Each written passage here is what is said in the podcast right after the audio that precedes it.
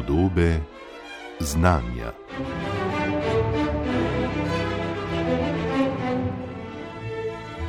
V pogledu bolj oddaljene plasti človeške preteklosti se z novimi tehnologijami in metodologijami hitro poglablja.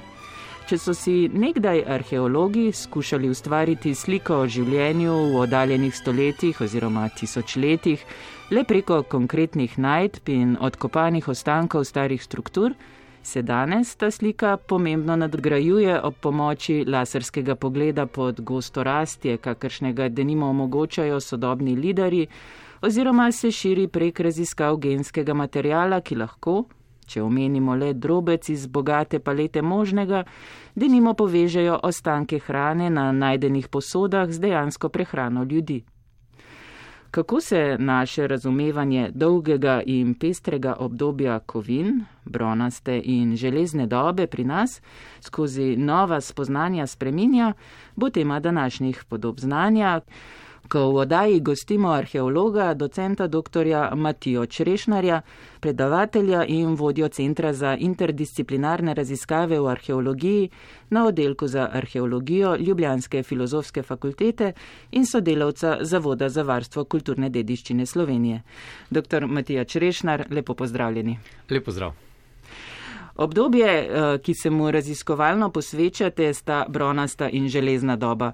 Tu gre za zelo dolgo obdobje, tudi zelo pestro in razgibano, ki ga verjetno ni mogoče zajeti v nekaj stavkih, pa bi vendarle uvodoma poskusila prav to, kako bi torej predstavili življenje bronaste in železne dobe, kaj bi najprej izpostavili kot morda ključno za razumevanje tistega časa. Ja, gre nedvomno za razmeroma dolgo obdobje, to je na našem prostoru približno zadnjih 2500 let pred našim štetjem. Zdaj, enotne slike, seveda, za bronasto in železno dobo človek ne more podati, lahko pa pove, da je šlo za čas številnih sprememb. V bronasti dobi je Evropa na nek način prvič zelo povezana. Zakaj povezana? Bron je namreč sestavljen iz bakra in kositra. Bakrene rude je na evropskem kontinentu razmeroma veliko, po drugi strani je pa kositra razmeroma malo. In če so želeli ljudje izdelovati takrat zelo uporabne in tudi modne na, na nek način predmete iz brona, so morali biti prepleteni, premreženi, se pravi, stik so morali imeti z trgovino, ki jim je prinašala te osnovne surovine. Seveda je V tistem času so spremembe, spremljamo tudi skozi druge vidike, recimo kako so ljudje živeli, kako so pokopavali svoje mrtve. V tem času se je večkrat spremenil ritual pokopa. Zdaj, morda se nam to dan danes ne zdi kaj pomembnega, namreč tudi v našem času se iz tega, da smo ljudi pokopavali cele trupla, večinoma sedaj pokopavamo v žarah, se pravi sežgane ljudi. To se je pa večkrat spremenilo tudi v času bronaste in železne dobe. V tistem času seveda to povezujemo z nekimi večjimi spremembami, se pravi predvsem v tem, kako so ljudje gledali na onostranstvo, kako so uh, si predstavljali, da bo človek prešel iz tega sveta v neko novo življenje. Zakaj pravim novo življenje? Namreč večinoma so bili ljudje pokopani z pridatki v grobovih, ki jasno kažejo na to, da so seboj želeli na oni, oni svet, v onostranstvo, odnesti neke osebne predmete, eh, hrano, pijačo, se pravi nek, neko popotnico. Ne? Tako da eh, te, te spremembe so se v bronasti in železni dobi večkrat zgodile, tudi kako je grob kot tak izgledal. Je bil to samo jamica v, v zemlji ali pa je bil nasud velika gomila, kot jih poznamo v Sloveniji, kjer imamo za posameznike včasih tudi monumente, ki so veliki do 50 metrov. Tako da To se je večkrat spremenilo, tako da težko rečem, da je neko, neko sliko enotno, je težko podati za bronasto in železno dobo, je pa v vsakem primeru čas zelo intenzivnih uh, sprememb, ki ga seveda zelo z veseljem raziskujemo in odkrivamo vedno nove detajle iz tega časa.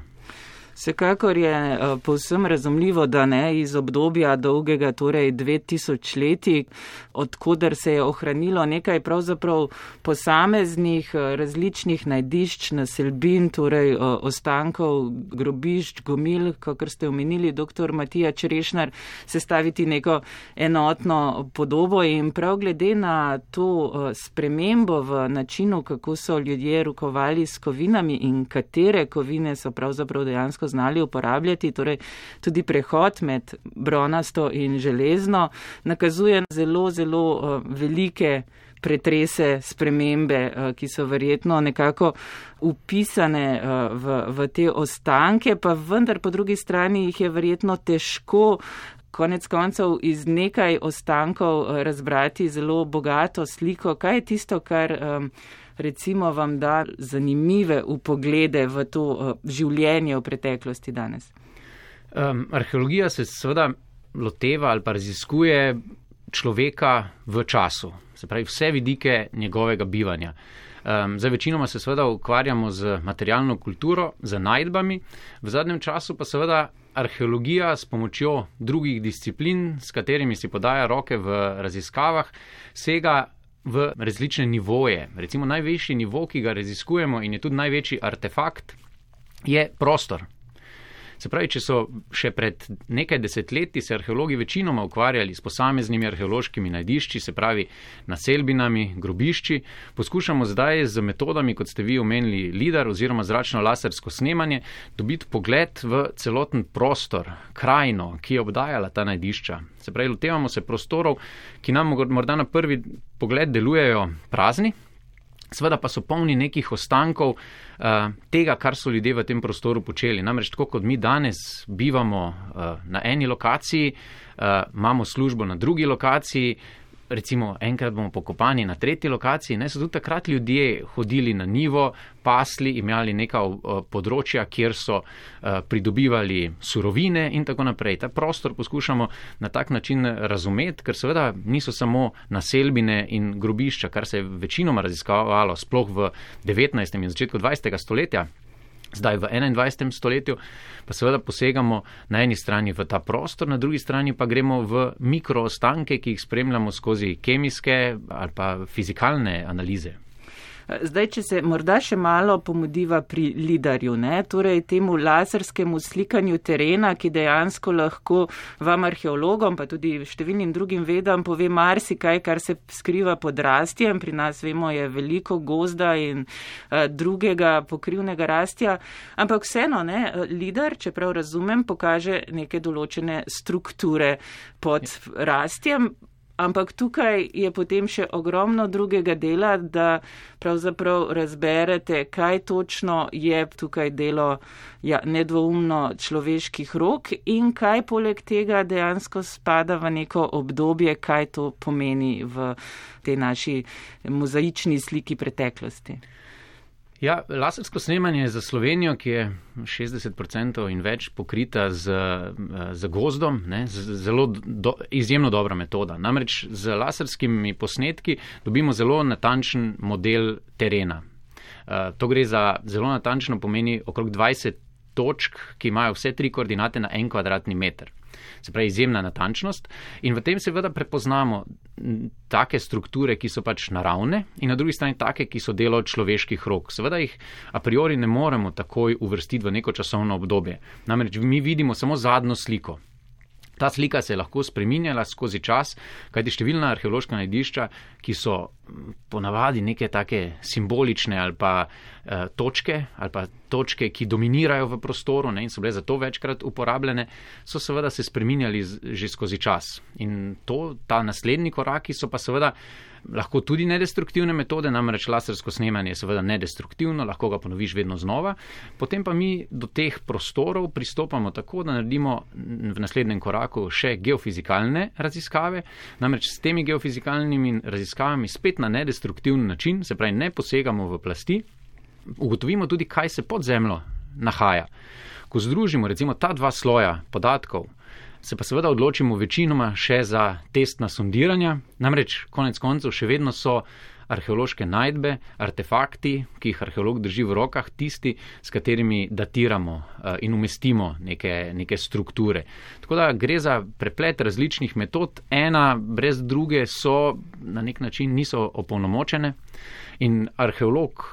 Ki uporablja več metod, seveda se zaveda prednosti in slabosti. Gre za metode, ki so komplementarne in se ne morejo čisto popolnoma zamenjati. Ne?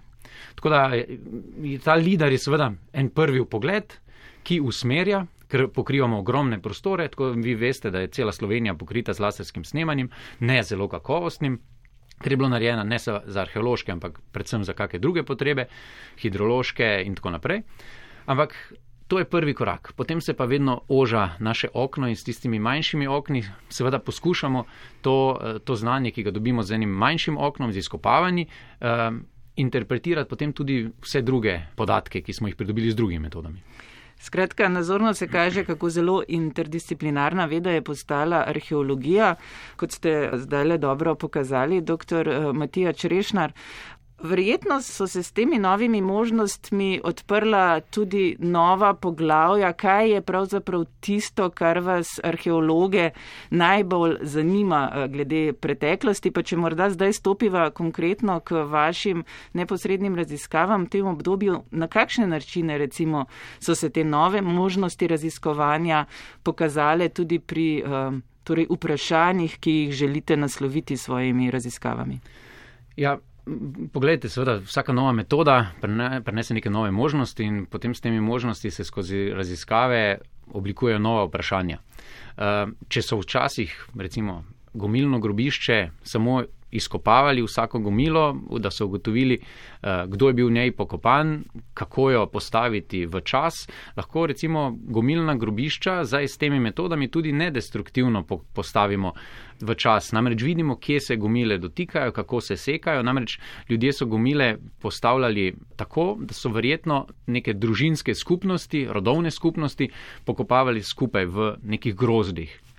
In z laserskim skeniranjem, z geofizikalnimi metodami, če te podatke združimo, lahko veliko krat že dobimo dokaj, eh, dokaj dober pogled v to, kako je neko grobišče nastajalo. Namreč spet ta slika, ki jo vidimo danes, je zadnja slika. Mi vidimo takrat, ko je bila zadnja gomila postavljena oziroma zadnji človek na tem grobišču pokopan. Eh, prej seveda nismo mogli govoriti, kera je bila starejša, katera je mlajša, danes pa lahko dobimo ta pogled že brez, da bi zasedili eh, lopato. Ne? In kaj nam, da nimo te možnosti, povejo o torej, življenju tedaj, o pač navadah, prepričanih verovanjih, ki so torej morda usmerjala ali pa morda čisto um, naravne okoliščine, ki so usmerjale delovanje teh ljudi. Pogosto vidimo, da, so, da je ta prostor okoli nekih naselbin razdeljen. Pogosto imamo okoli železnodobnih uh, naselbin, gradišč, ki so utrjena, več skupin gomil za katere sklepamo, da so jih uporabljale različne skupnosti, ki so pa skupaj bivale v naselbini. Se pravi, neka heterogenost, ki se kaže včasih tudi po pokopu, včasih tudi po eh, arheoloških najdbah, kjer se kažejo morda stiki bolj z prostorom, recimo Podonavja, Nekatere kažejo bolj lokalne tradicije, ki izhajajo že, recimo, že iz pozne bronaste dobe, spet drugi lahko kažejo tudi stike z Italijo, se pravi severno Italijo, se pravi z Apeninskim polotokom. Tako da ta heterogenost skupnosti je včasih težko razložiti, ampak kaže se, da so tukaj neki, neki prišleki na našem prostoru eh, lahko prihajali iz različnih okolij, pa so živeli v istih uh, naselbinah. Se pravi, na nek način, tako kot tudi danes živimo, samo to so seveda vprašanja, ki jih včasih nismo mogli nagovarjati. Katera vprašanja pa so vam osebno, dr. Matija Črešnar, najbolj blizu? Kaj je tisto, kar vas najbolj zaposluje? V, v zadnjih letih je velik napredek naredila antropologija. Recimo eh, v sklopu našega oddelka in centra imamo zaposleno antropologinjo, ki pa seveda preko drugih analiz, preko sodelovanja z drugimi laboratoriji, lahko opravlja ne samo osnovne antropološke raziskave, kjer govorimo o spolu, starosti, višini in tako naprej posameznika. Ampak kjer lahko se dejansko sprašujemo, kaj je ta posameznik jedel, kaj je jedel v katerem delu svojega življenja, ali je kot otrok, potem kot starejša oseba ali pred smrtjo v teh obdobjih, kaj spreminjal svojo prehrano. Uh, vidimo, ali je bival kot mladostnik kje drugje in je pokopan na nekem drugem prostoru. Seveda ne dobivamo zelo natančnih podatkov, ampak to je tako, kot da bi našli en star fotoalbum, prababice, kjer imamo eno sliko, ko je bila otrok, ena, ko je bila mladostnik in potem njena zrela leta. Ne? Tako da dobivamo podatke o nekaterih posameznikih, se pravi, se ukvarjamo ne samo z širšimi skupnostmi, ampak se lahko z dobro ohranjenimi ostanki ukvarjamo tudi z posamezniki in seveda skupinami. Uh, možnosti nam odpirajo tudi analize uh, stare DNA. Ne? Recimo ena, ena študija za Dolensko, ki je zelo bogata, kot veste, v starejši železni dobi oziroma v halštatskem obdobju, kjer so ljudi pokopavali um, cela trupla, niso jih sežigali kot v nekaterih drugih pokrajinah v Sloveniji, smo našli v eni gumili pokopanih sedem ljudi, ki so bili vsi med seboj v sorodstvu. Ne? To je družina. Družina, ampak niso bili vsi člani prisotni, tako da se seveda lahko sprašujemo, kakšna je bila, ali je šlo za matrilinearno, patrilinearno pokopavanje, se pravi, ali je moški bil tista glava uh, družine, namreč tukaj v tej gomili je bil najden gospod, star 50 let, ob smrti, z tremi svojimi otroki, z enim vnukom, in z enim uh, bratrancem po ženini strani. Žene in ene hčerke pa v tem uh, grobu, v tej gomili recimo ni bilo. Tako da se lahko sprašuješ, kje so ti ljudje pokopani, zakaj je ta oče, ta pater familija, se recimo, če mu rečemo tako, skrbel tudi za tega nečaka in zakaj je skrbel za svojega vnuka, njegove mame, hčerke. Uh, pa v tem primeru ni bilo v gomili, tako da se lahko marsikaj, marsikaka nova vprašanja oblikujejo, kako so eh, sploh družine v tistem času, kdo je bil tisti, ki je vodil, ki je bil glava na nek način. Ne? Tako da številna vprašanja nova se nam v tem primeru lahko odpirajo. Rekli ste, dr. Matija Črešner, da ene hčerke ni bilo. Kako veste, da manjka? To je čisto enostavno, z analizami DNA se je to dalo potrditi. Kako veste, da je hčerka obstajala? Morala je, ker je njen otrok v grobu. A. Super. Vsekakor se da torej danes s novimi raziskavami res eh, najti tako rekoč osebne zgodbe nekih davno, davno preminulih ljudi. Ne? Ja, seveda. Domnevam, da, da vas take raziskave prav najbolj um, navdušujejo. Ma, interdisciplinarnost je tista, s katero lahko naredimo največ korakov naprej. Ne? To se nam odpira na več vidikih. Delajo se analize, tako kot pravim, od najširšega prostora do teh najmanjših mikroskopskih ali pa kemijsko dokazljivih uh, delcev. Arheologija je, kot pravi Kristjan uh, Kristjansen, veliki uh, arheolog, na pragu nove revolucije ali pa že stopla v novo uh, podatkovno revolucijo. Ne? Upravljamo z velikimi podatkovnimi bazami, tako da tudi metode, računalniške, statistične metode so zelo pogosto uporabljene v uh, sodobni arheologiji. Ne. Po drugi strani uh, delamo študije mikromorfologije, se pravi uh, sestave tal, ki jo sveda spet gledamo s pomočjo pedologov ne, in usmerjenih uh, arheologov, ki so se v to, to smer usmerili, tudi v, preko mikroskopa. Ne. Se pravi, ta občutek, ki ga imamo mi arheologi, ko izkopavamo, ko gledamo plasti in opisujemo, sedaj raziskujemo s pomočjo mikroskopa v laboratoriju. Vzorci se vzamejo na terenu in to se analizira. Na, naprej. Tudi to je ena smer, v katero se uh, naš oddelek v zadnjem času usmerja. Tako da poskušamo biti, kot pravim, čim bolj uh, interdisciplinarni in to je pot arheologije, s katerim pač seveda odstiramo povsem nove horizonte podatkov in tega znanja, ki ga lahko uh, dobimo o preteklosti. Po eni strani, skratka, greste lahko v uh, res uh, detaljno sliko nekih podrobnosti, po drugi strani še vedno zasledujete tudi pravzaprav velike zgodbe, prehode. Uh, zdi se mi, da nimo zanimivo, ne, pod naslov uh, obsežnega dela, ki ste ga souredili in tudi prispevali za kar precej člankov, namreč pohorsko podravje pred tremi tisočleti, se glasi tradicija in inovativnost v pozni bronasti in starejši železni dobi. Skratka, govorimo o času, ki je bil na tehnološkem prehodu. Vemo, kako hitro se danes eh, tehnologije spreminjajo, da jim je kar težko eh, slediti, ampak tudi takrat, ne, očitno, če lahko razbiram iz tega vašega um, koncepta, uh, je čas nihal med torej nekimi starejšimi, usidranimi tradicijami in različnimi novostmi, inovacijami. Uh, na kakšne načine lahko recimo detektirate to prepletanje na tem dokaj velikem prehodu med dvema različnima kovinama? Ja, morda najprej za začetek ta prehod uh, med bronasto in železno dobo. Seveda, to je bronasta in železna mm. doba, to sta koncepta, ki sta na nek način. Uh, Seveda ustaljena, jih razumemo pa seveda različno. Ne? Zdaj mogoče širša javnost razume to kot neka, neko močno prelomnico v uporabi dveh kovin. Seveda pa ti, ti ljudje, ki so takrat bivali, gre v pogosto za neko kontinuiteto bivanja eh, na nekaterih lokacijah.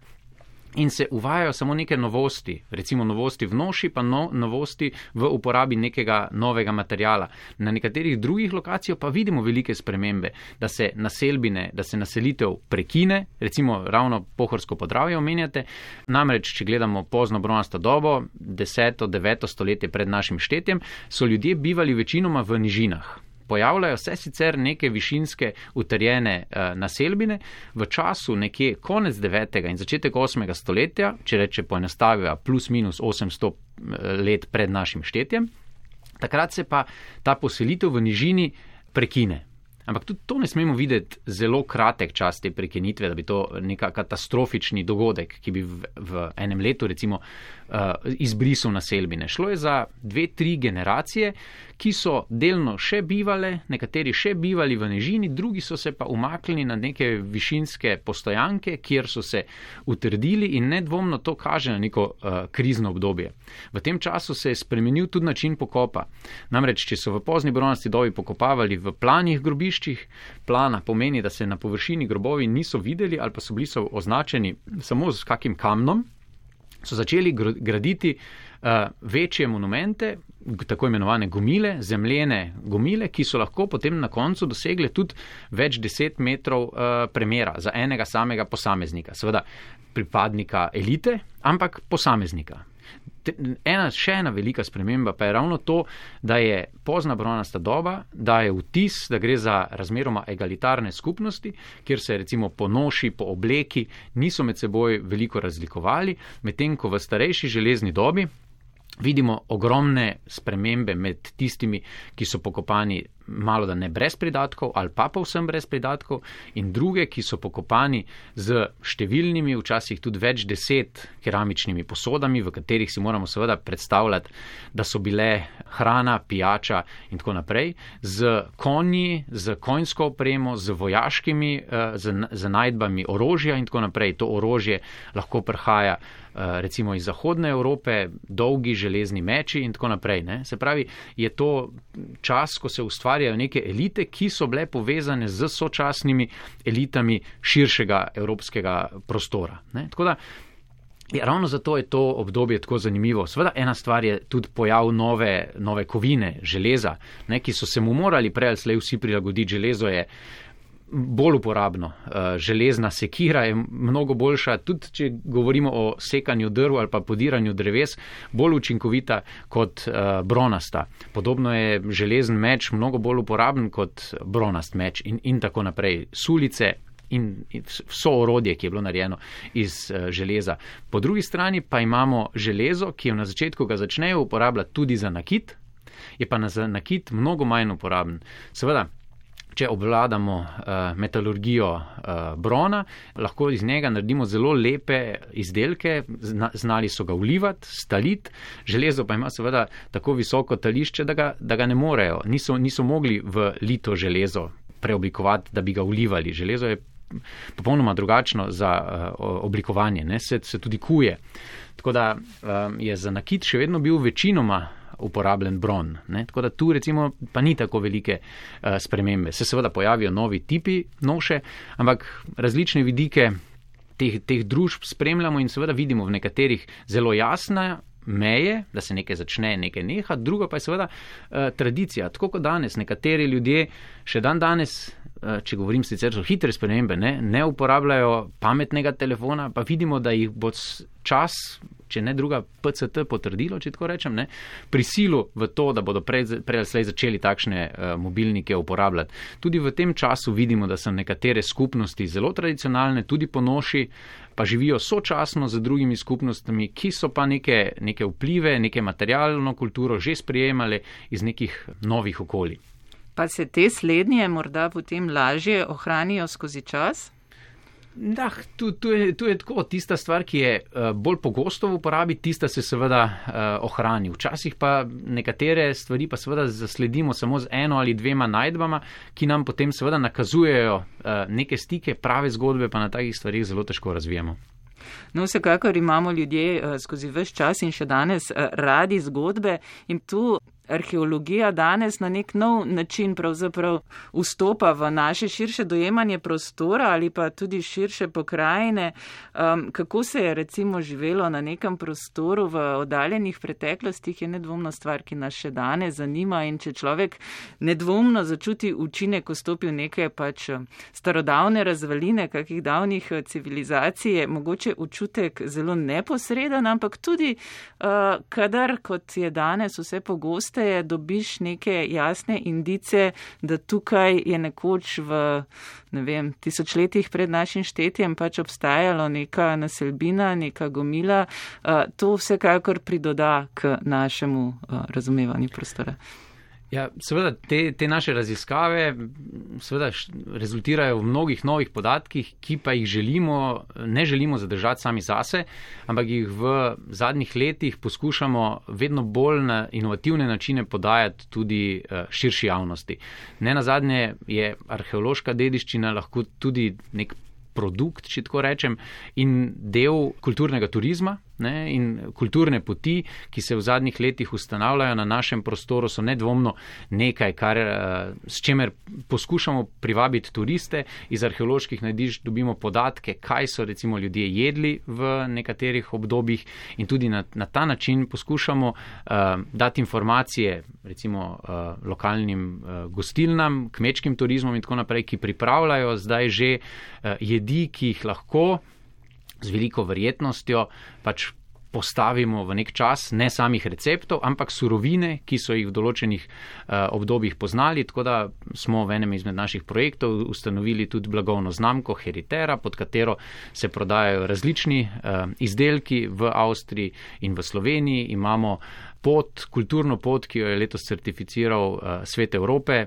železnodobna pot po Podonavju s katero promoviramo železno dobno dediščino in po povezujemo na nek način na tem prostoru, zdaj že od Nemčije do Bolgarije, tiste, ki na nek način promovirajo to železno dobno uh, dediščino, povezujemo jih s predavanji, uporabljamo ali pa poskušamo jim predstaviti, kako se uporablja moderne digitalne tehnologije, uh, se pravi virtualna resničnost, obogatena resničnost in to, kar ste vi rekli, ko človek stopi na arheološko najdišče, zelo redko opazi uh, z netreniranim očesom, kam je stopil. Ne? Tehnologije, ki jih nosimo s sabo, z mobilnimi telefoni, s tablicami in kjer lahko mi uh, na nek verodostojen način rekonstruiramo tist, tisti prostor, seveda človeku pridoda občutek, v kakem prostoru se nahaja. Če pa lahko gre potem še v sosedno gostilno, pa poje še železnodobno malco, pa je lahko seveda uh, doživetje neke preteklosti uh, toliko bolj izvirno. Okay, čisto za konec, kaj bi bil primer, kakšne železnodobne specialitete ali vsakdanje jedi? v železni dobi bi človek, eh, recimo, eh, če posežemo po elitah, uporabil ražen, metrske, kovinske palice, na katerih so pripravljali eh, jedi na žaru in nekaj takega je nedvomno lahko prispodoba za to, kar so jedli v starejši železni dobi. Docent dr. Matija Črešnar, najlepša hvala za tale pogovor. Hvala vam.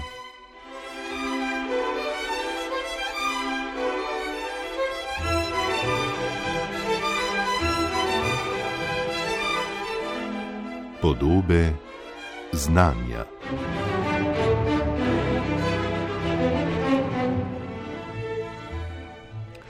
Z docentom dr. Matijo Črešnarjem sem se pogovarjala Nina Slaček, za to je skrbel Franci Modr. Vabljeni, da oddaji podobe znanja prisluhnete tudi na spletni strani programa Ars ali jo poiščete med podcasti.